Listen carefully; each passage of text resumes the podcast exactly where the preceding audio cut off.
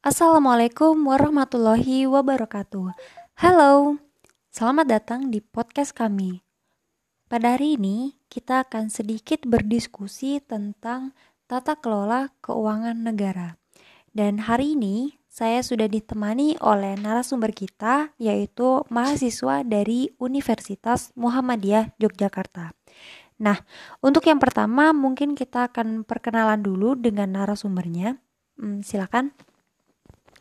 Halo, perkenalkan nama saya Disinta Hidi Rahmawati dari program studi Ilmu Pemerintahan Universitas Muhammadiyah Yogyakarta angkatan 2019. Oke, tanpa basa-basi lagi, kita langsung ke topik diskusinya.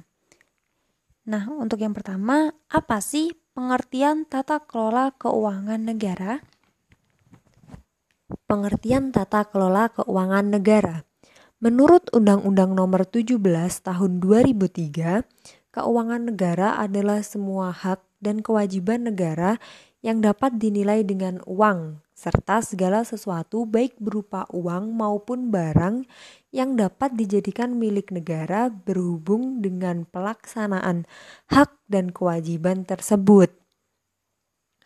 Dalam Undang-Undang Dasar 1945 bab 8 hal keuangan antara lain disebutkan bahwa anggaran pendapatan dan belanja negara ditetapkan setiap tahun dengan undang-undang dan ketentuan mengenai pajak dan pungutan lain yang bersifat memaksa untuk keperluan negara serta macam dan harga mata uang ditetapkan dengan undang-undang juga. Hal lain mengenai keuangan negara sesuai dengan amanat pasal 23C diatur dengan undang-undang. Oke. Lalu sesuai dengan Undang-Undang Nomor 17 Tahun 2003, apa sih yang menjadi ruang lingkup dalam pengelolaan keuangan negara? Yang menjadi ruang lingkup dalam pengelolaan keuangan negara itu ada empat. Pendekatan yang digunakan dalam merumuskan keuangan negara adalah dari sisi objek, subjek, proses, dan tujuan. Dari sisi objek, yang dimaksud dengan keuangan negara meliputi semua hak dan kewajiban negara yang dapat dinilai dengan uang, termasuk kebijakan dan kegiatan dalam bidang fiskal, moneter, dan pengelolaan kekayaan negara yang dipisahkan baik berupa uang maupun berupa barang yang di, dapat dijadikan milik negara berhubung dengan pelaksanaan hak dan kewajiban tersebut.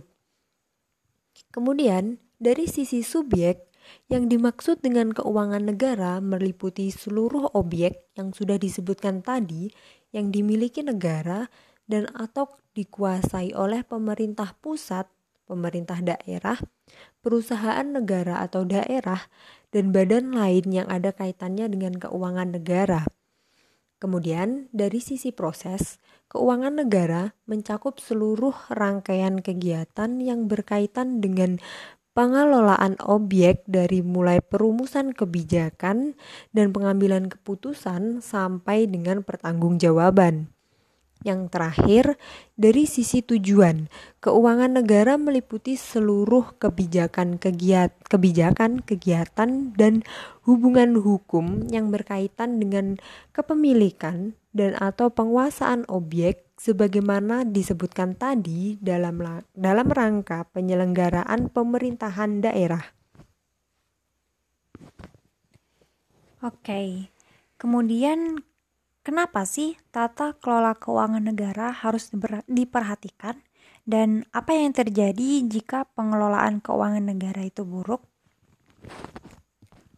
Pengelolaan keuangan negara itu harus sangat diperhatikan karena pengelolaan negara pengelolaan keuangan negara itu diperlukan untuk mengatur pemasukan dan pengeluaran negara serta menjaga kestabilan ekonomi di negara itu sendiri.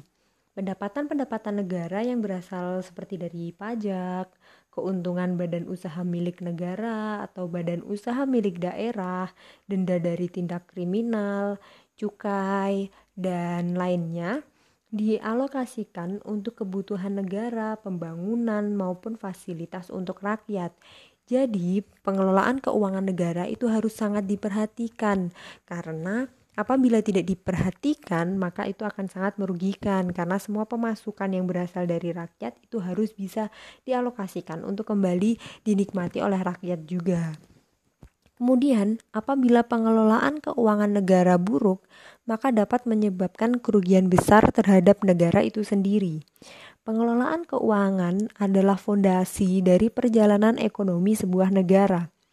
Jika pendapatan negara disalahgunakan atau tidak dipakai dengan semestinya, maka bisa menyebabkan hancurnya ekonomi dan membuat masyarakat sengsara, seperti yang terjadi saat ini.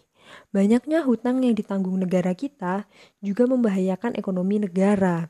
Karena jika hutang yang ditanggung banyak, maka bisa jadi kebutuhan bahan, pokok dengan pajak itu bisa meningkat sedangkan ekonomi masyarakat, pemasukan rakyat itu tetap saja. Tentu itu akan sangat memberatkan bagi rakyat. Kemudian pengelolaan keuangan negara yang buruk juga um, salah satunya banyaknya kasus korupsi yang terjadi itu juga akan sangat merusak ekonomi yang ada dan kembali lagi jika ekonomi rusak itu akan membuat masyarakat yang ada di negara itu juga merasa sengsara dan merasakan kerugian yang besar. Oke, berarti keuangan negara itu memang perlu diperhatikan ya supaya tidak merugikan masyarakat. Nah, mungkin sekian podcast kita kali ini. Terima kasih buat teman-teman yang sudah mendengarkan dan semoga podcast kita kali ini bisa bermanfaat buat teman-teman semuanya.